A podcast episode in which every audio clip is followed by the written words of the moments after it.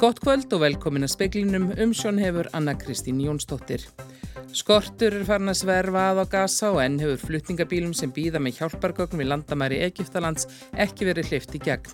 Hamas segist hafa sleft tveimur bandarískum gíslum af mannúðar ástæðum. Helbriðisráð fyrir að segja brínt að auka forvarnir og fræðslum skaðsum í ljósabekja. Tveir hafa látist í flóðum í Skotlandi þar sem rauð veðurviðurinn er í gildi, fárviðri og flóðhrella dani og ekki búist við að veðurgangi þar niður fyrir norsunundag. Starfsfólk heilsugjastlunar á Akureyri er uggandi vegna uppsagna og breytinga sem kynntar voru nýlega. Stjórnendur segja þær til bóta og þjónustafi bæjar búa skerðist ekki og í dag er bleikidagurinn. Ekki verið enn verið opna fyrir flutning og neyðargögnum frá Egiptalandi til Gaza. Talsmaður Utaríkis ráðuneytis Egiptalands þvertekur fyrir að Egiptar standi í vegi fyrir flutningunum. Vegna loftarossa Ísrael á landamærin hafi reynst erfitt að opna þau.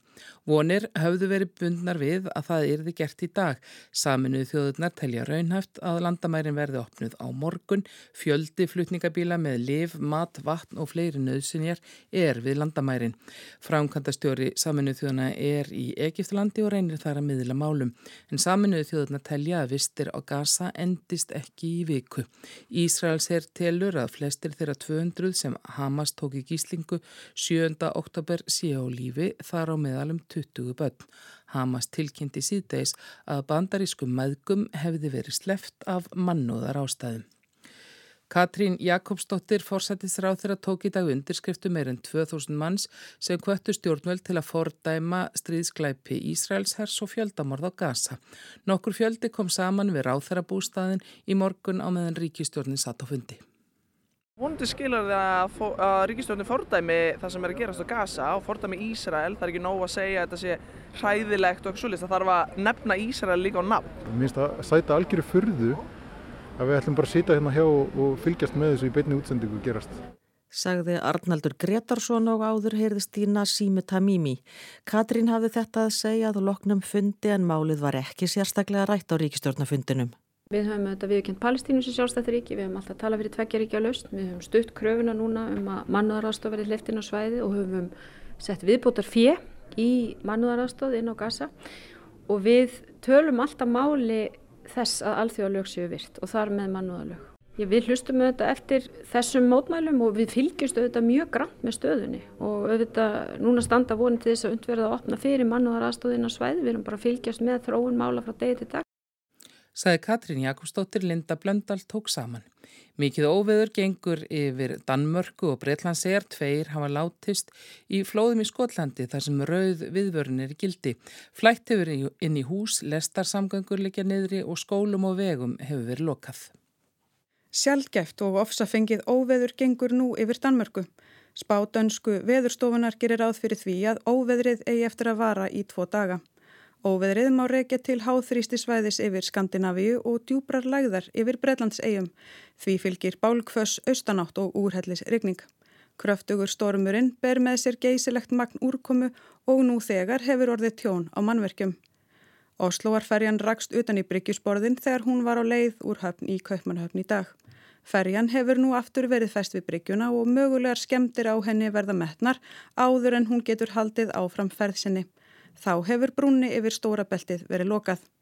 Skotland hefur einnig orðið illa út í óveðrunu sem nefnt hefur verið Babed. Mestu áhrifana hefur gætt í Angus og Aberdeen skýri en tveir eru látnir eftir flóðin og eins er saknað. Í bænum Brekkin mann engin íbú eftir viðlíka flóðum. Varnir bæjarins brustu snemma í morgun og víða hefur flættin í hús. Margir íbúar eru innleiksa en þó nokkuð var um að tilmæli bæjaráðsum rýmingu svæða væri hundsuð Lestarsamgöngur liggja víða niðri og skólum hefur verið lokað. Valgerður Greta Gröndal sagði frá. Ljósabekkjanótkun ungmennaverður könnuð í ár í fyrsta sinn frá því 2016. Heilbreyðisra á þeirra segir að ef ungmenni sækja í auknum mæli í ljósabekki verða breyðast við og ebla forvarnir. Í ljósi umræðu að undanförnu verður ljósabekkjanótkun ungmenna könnuð síðar á árinu. Þetta kemur fram í tilkynningu frá geislavörnum ríkisins. Svipuð könnun var síðast gerð árið 2016.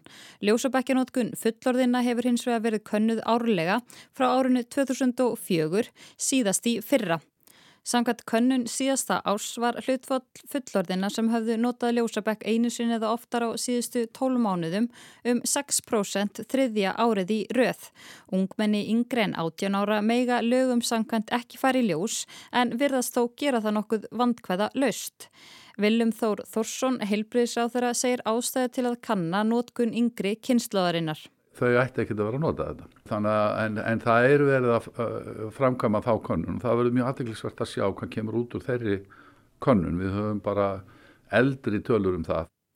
Sé raunin svo að ungmenni noti ljósabekki í auknum mæli þurfa bregðast við með forvörnum líkt og var gert fyrir rúmum ára tög. Þá kannski minnir það okkur á að, að halda því til haga. Þetta eigur líkur bara eins og geyslun almennt frá sólinni ef við notum þetta í of miklu mæli að þá eigur það líkur á húðskemdum og, og, og þá í framhaldinu húðkrabbamennu.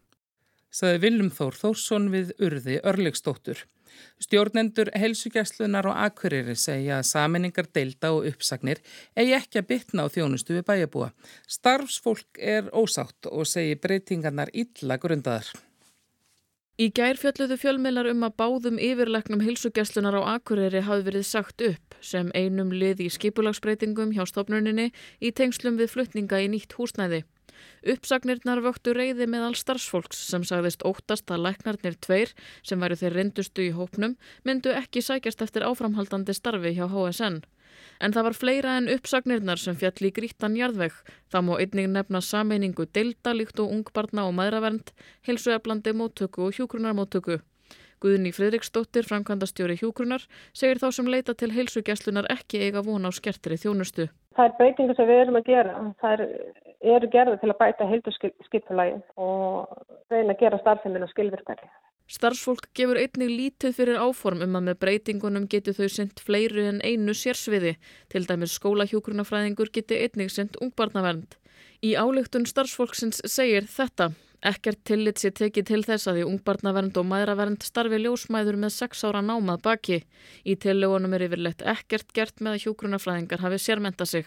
Þessum á jafna við að stjórn sjúkrahúsins á Akureyri tækja ákvarðunum að sérfræðilegnar eigi að geta synd fleira en einni grein, geðlegnirinn á kvennadild og bæklunalegnir á barnadild. Framkvæmdastjórnin segir tilfærslu á milli delta á HSN einnig hafa verið raunina fyrir breytingar og ekki standi til að hunsa sérþekkingu starfsfólks. Þurfum að nota og nýta starfskraftin okkar vel og ef það er rólegt á einu stað að, að þeir geta farið á milli hjúkunarfræðingarnir en við teljum þetta líka að gera störn fjölbreytari. Saði Guðni Fridriksdóttir, Ólefur Rún Erlendsdóttir tók saman.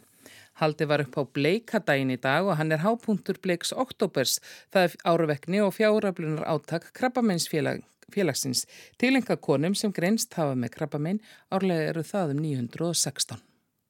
Bleikur oktober er, og þá sérstaklega þessi dagur, er mikilvægur til að fagna þeim sem læknast hafa krabbamenni, styðja þá sem er í baráttunni og minnast þeirra sem látist hafa.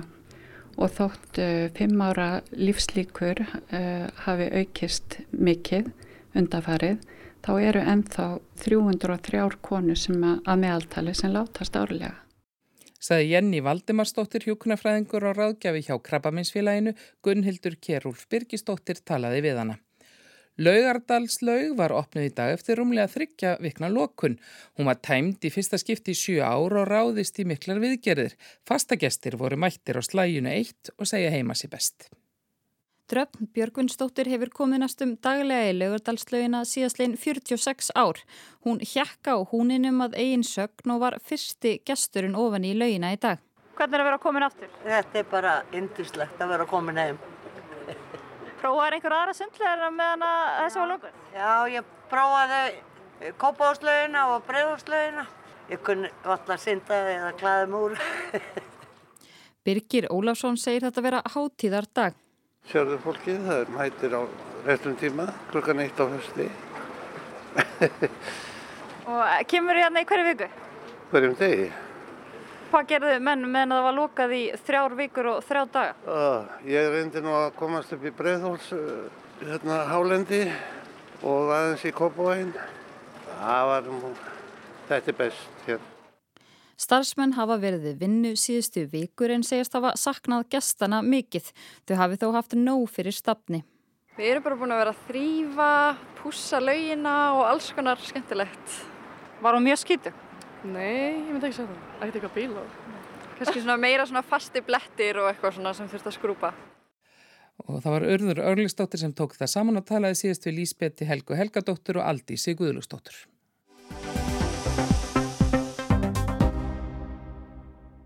Þetta hefur náttúrulega alltaf verið púðurtunna, alveg frá því að Ísraelsríki var stopnað 1949 þá hefur þetta verið púðurtunna og það er alltaf þurft til að lítið til þess að kveiki þessari púðurtunnu og þetta svæði þarna, það hefur alltaf verið kannski eh, hérna eh, jarðvegurinn fyrir allskynns muslimska aukahópa. Þetta hefur verið það sem hefur svona nært þá hópa í ára tíu og það mun gera það núna sannarlega. Blóðu stríðsátök brötust út fyrir botni miðjararhás fyrir tveimur vikum þegar liðsmenn palestínsku hriðverkarsveitana Hamas reyðust inn í Ísrael og myrtu hátt á annað þúsund almenna borgara. Ísraelar bröðust við af mikilli hörku. Um 1500 Hamasleðir eru sæðir hafa verið feldir í Ísrael strax á fyrsta degi og þúsundir almenna borgara hafa fallið í loftarósum Ísraels hess á Gaza, þar á meðal nær 1700 börn. Þetta eru langt í frá fyrstu átöki sem blossa upp á milli Hamas og Ísraels hers en þetta eru þau hörðustu og blóðugustu um áratuga skeið. Speillin bar það undir Ingebjörgu Solrúnu Gísladóttur, fyrirrandi utaríkis ráþeira og forstuðumann líraðis og marrettindarskifstofu ÖSE, hvort hún sjáu fyrir sér að hægt sé að koma á friði milli Ísraela og palestínumanna með einhverjum hætti. Það verður stöðut erfiðara eftir því sem að lengra líður og og það mun ekki gerast eh, nema alltjóðasamfélagið eh, skerist í leikin og, og eh, þristi mönnum í, í, í samlinga og þá ekki síst Ísraels mönnum vegna þess að þeir eru þetta með yfirbyrða stöðu á svæðinu þeir eru með öll spílin á hendi getur maður sagt og hafa verið alveg frá 49-75 ár. Og palestínumenn eru, eru tvistraðir þeir eru, þeir hafa ekki eigi ríki og, og þeirra, uh, þeir hafi í rauninni verið svona jaðarsettir á því landsvæði sem að þeir hafa samt búið á um aldir, ár og aldir og uh, Ísælsmenn verða að, að sína uh, raunverulegan vilja til þess að semja við palestinumenn og að það hefur vantað. Síðasta uh, tilraun, ef svo má segja, var kannski gerð með Osloarsamkomulæginu svo kallað, 93 og 95 og þá uh, byggði það á þessari tveggja ríkja löst að það eru til tvö ríki, Ísraelsíki og svo Palestínuríki innan landamærina frá 1967 en Palestín er auðvitað búin að vera uh, hernum í land alveg frá 67, stór hluti af Palestínu. Og það var mikil bjart síni hjá mörgum palestínumönnum. Ég þekkti þáttið að palestínumönnum sem ákvaða að flytja heim til þess að taka þátt í því að byggja upp nýtt palestínsríki. Þannig að það var hugur í, í, í mönnum. En svo var bara aldrei einhver alvar á bakvita hjá Ísraelsmennum. Þannig að landnema byggðinar heldur áfram að vaksa, það komi fleira landtöku fólkin og svæðið. Ég held að það verið svona um það byrjum 500.000 uh, landtöku menn sem byggu á landi palestínumanna þegar áslagarsamkomulega var gert. Nú er það um 1 miljón. Þannig við sjáum uh, hvernig þróunin hefur verið og Ísraelsmenn verða að sína vilja. Árás Hamas á Ísrael fyrir hálfu mánuði var einstaklega grimmileg. Svo árás er náttúrulega algjörlega ófyrirgemanleg. Hún er bara glæpur og það þarf ekkert að ræða það frekar. Og þetta er svo augljóst að það getur engin átt síðu samskipti við menn sem að ákveða að fara í svona aðgerði eins og Hamars gerði. En uh, það þýðir samt ekki að það sé megi bregðast við því með, með öllum tiltækum ráðum, löglegum sem ólöglegum og, og viðbröð Ísraelsmanna hættan er svo og við þegar séð náttúrulega skýr dæmi um það að þau verði uh, svo öllu og svo, svo uh, hatram að það, það, það logi allt þarna áfram um ára og ára tíu Þetta, við eigum þetta að læra af viðbróðun sem urðu við, við árásunum tvíburaturnana eh, 11. september.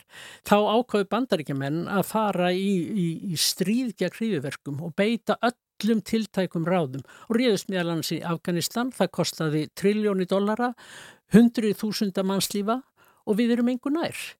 Og þetta er auðvitað hættan að menn eh, sem að hafa svona mikið afl og svona, eru að hafa svona sterkastöðu að þeir, þeir beiti aflinu uh, án, án þess að, að hugsa sem tvísvar.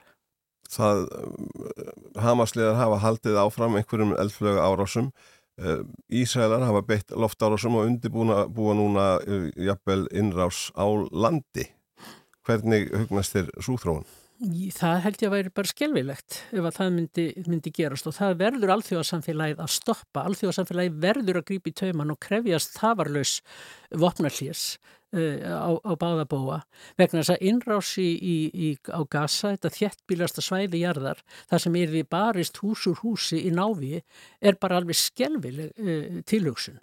Og uh, ég held líka að menn verða átt að segja á því að jafnvel þó þeir getur farið inn hvað svo?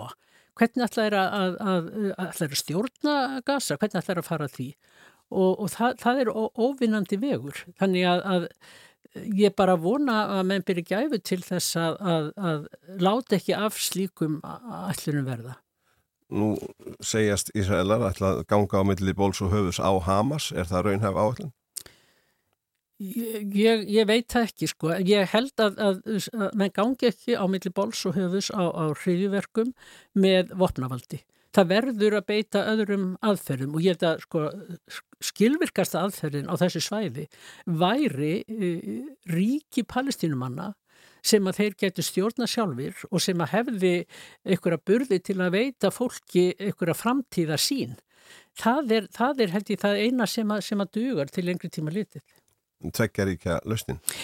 Tveggjaríkja lausnin og nú er ég kannski að, að segja meira heldur en er raunhætt vegna þess að, að í rauninni eftir Osloarsamkommulagið sem átt að byggja tveggjaríkja lausninni og eftir að, að Estubakki var hólara innan með allir þessari, þessari landnámsbyggðum þá er það svona valla raunhæf laust lengur en ef ekki þá bara innan eins ríkis á þessu svæði líðræðislegs ríkis palestinumanna og gýðinga það væri þá hinn leiðin en, en uh, það er ennþá langt í landins orðið. Saði Ingi Björg Solrún Gísladóttir, Ævarörn Jósefsson talaði við hana.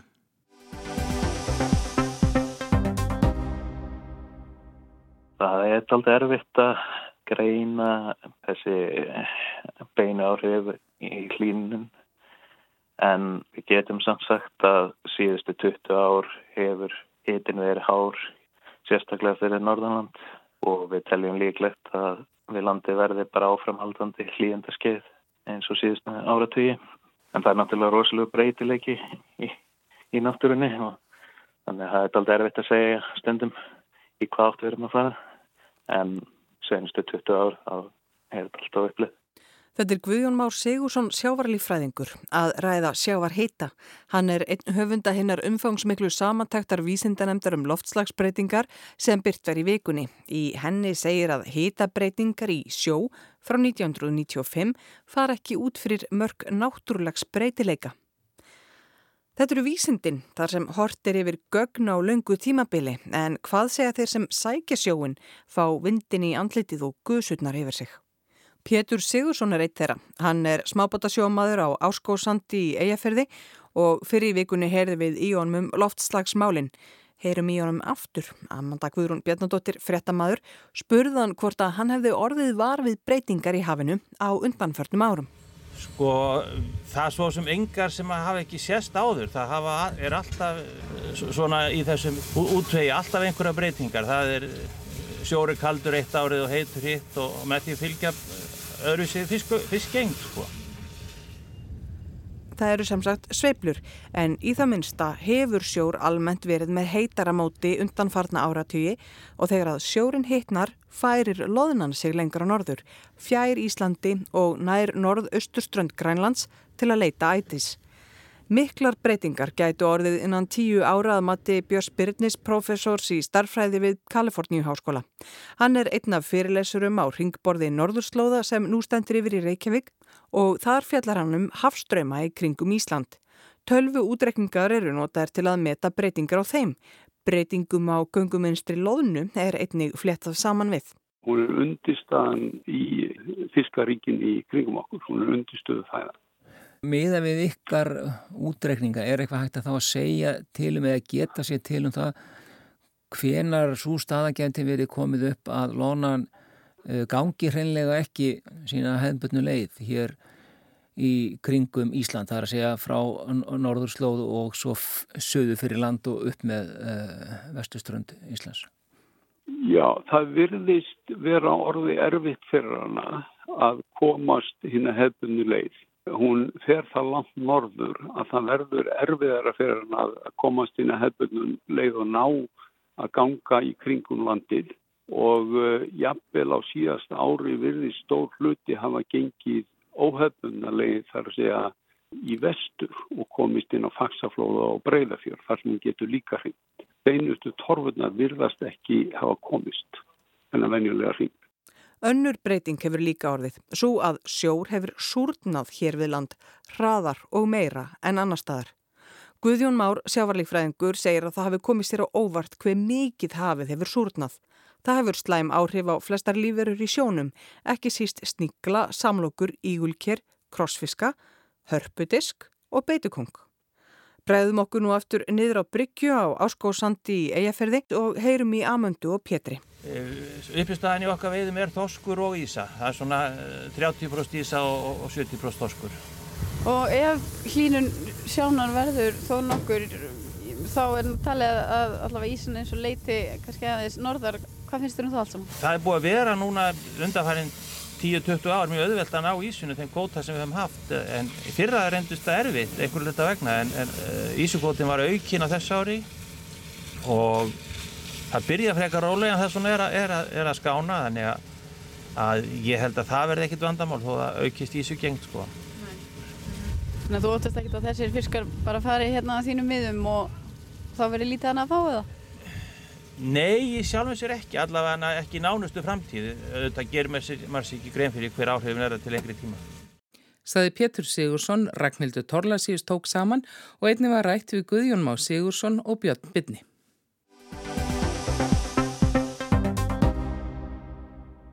Ef þetta er það síðasta þá endaður með kvelli, segir gaggrínandi breska dagbladsins Guardian um nýjustu plötuðu Rolling Stones, Hackney Diamonds. Hún kom út í dag.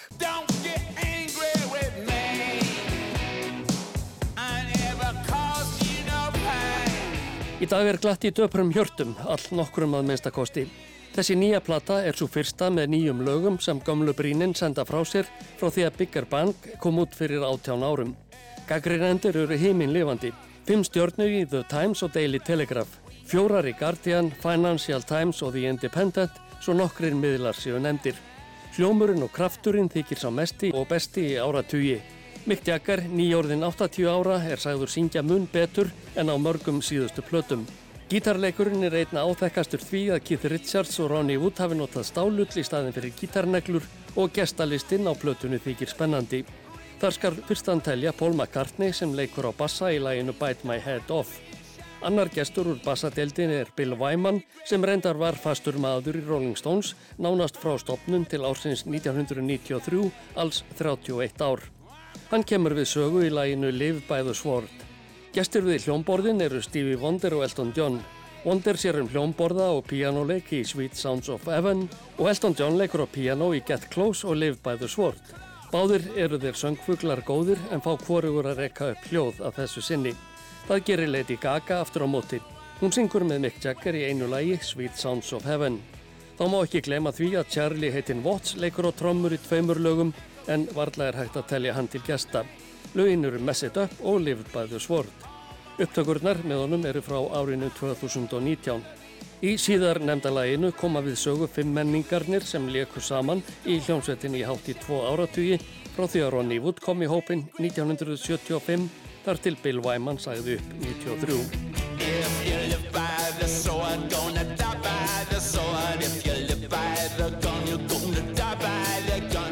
Ástæðan fyrir því að átján ár liðu frá því að síðasta plata með frumsamdu efni kom út segir Mick Jagger að sé vegna þess að þeir hafi verið latir. Reyndar var farið í fjöldan allan af fljómleikaferðum en síðastliðu haust hafið þreja menningarnir ákveðið að láta hendur standa fram úr ermum, vinna hratt og ljúka verkinu fyrir ákveðin tíma, Valentínusardaginn. We went into the studio in December and we cut 23 tracks very quickly finished them off in January and mixed them in February. Við byrjuðum að vinna í hljóðverum í desember, tókum með 23 lög sem við lukum við í janúar og svo hljóðblönduðum við í februar, sagði Mick Jagger þegar hann og félagar hans kynntu nýju plötuna. Áður hafðu þeir tekið upp nokkuða frumsamdum lögum á síðustu árum en fannst útkoman ekkert sérstök. Kanski skiptu sköpum að nýr upptökustjóri var mættur til leiks. Don Voss sem hefur unnið með hljómsveitinni síðustu ár var upptekinn. Paul McCartney og fleiri mæltu með Andy Watt, marg reyndum fagmanni þrátt fyrir ungan aldur. Hann hefur unnið meðal annars með Justin Bieber, Camilo Cabello, Pearl Jam, Ozzy Osbourne og Elton John svo að fáir séu nefndir. Í umsögni Guardian um Hackney Diamonds segir að Andy Watt hafi átt að segja á því að best væri að fykta ekkert í hennum gamla stíl hljómsveitarinnar en láta hann hljóma eins nútímanlegan og und er. Watt er reyndar skráður með höfundur þryggja fyrstu lagana á plötunni. Hann er eitilharður aðdáandi Rolling Stones og mætti í nýjum Stones-ból á hverjum degi meðan upptökur stóðu yfir. Reyndar stóð ekki til að Lady Gaga kæmi við sögu á nýju plötunni. Eitt kvöldið var hún að vinna í sama hljóðveri og Rolling Stones og spurði hvort hún mætti kíkja inn og heyra hvað væri um að vera að því er Mick Jagger rifjað upp í einhverju viðtalinu. Hún hnipraði sér saman á gólfinu fyrir fram að mig, einhver rétt enni hljóðnema og hún byrjaði bara að syngja, sagðan.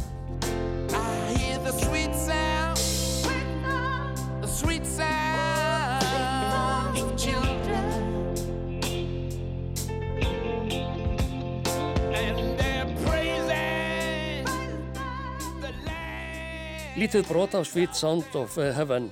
Hlutur í Lady Gaga í læginu er mun stærri en hér heyrist. Framistæðanar þykir ekki síðri en Mary Clayton sem sönga móti Jagger í Gimme Shelter í lok 7. áratuganins. Nokkrir gaggrínendur hafa nefnt að lægið sverjið sig í ætt við You Can't Always Get What You Want frá sama tíma. Alla jafna hefur The Rolling Stones fyllt plötunum sínum eftir með tónleikaferðum víða um heim. Svo verður reytning að þessu sinni aðsögn Keith Richards. Basically, yeah, that's the plot.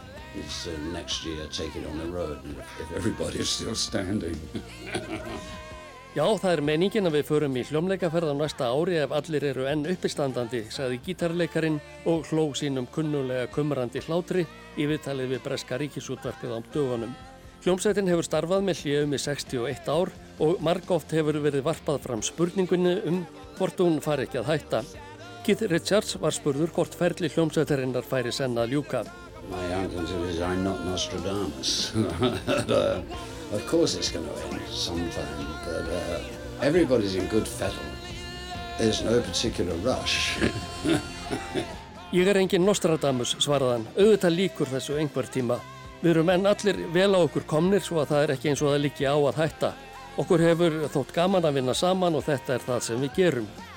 Af hópnum sem hófað æfa saman og koma fram á hljómleikum sumarið 1962 eru Mick Jagger og Keith Richards einir eftir.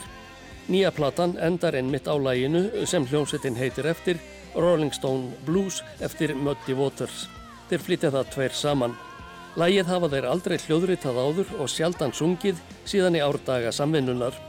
Mick Jagger var raunar með plötu með þessu lægi undir hendinni þegar félagarnir hittust á brautarstöði Dartford í Lundunum í oktober 1961 eftir nokkura ára aðskilnað og uppgötuðu báðir að þau höfðu ódrepandi áhuga á blues og rithma blues tónlist. The rest is history eins og þeir segja á nesinu. Gonna be a rolling stone It's gonna be a rolling stone It's gonna be a rolling Oh well.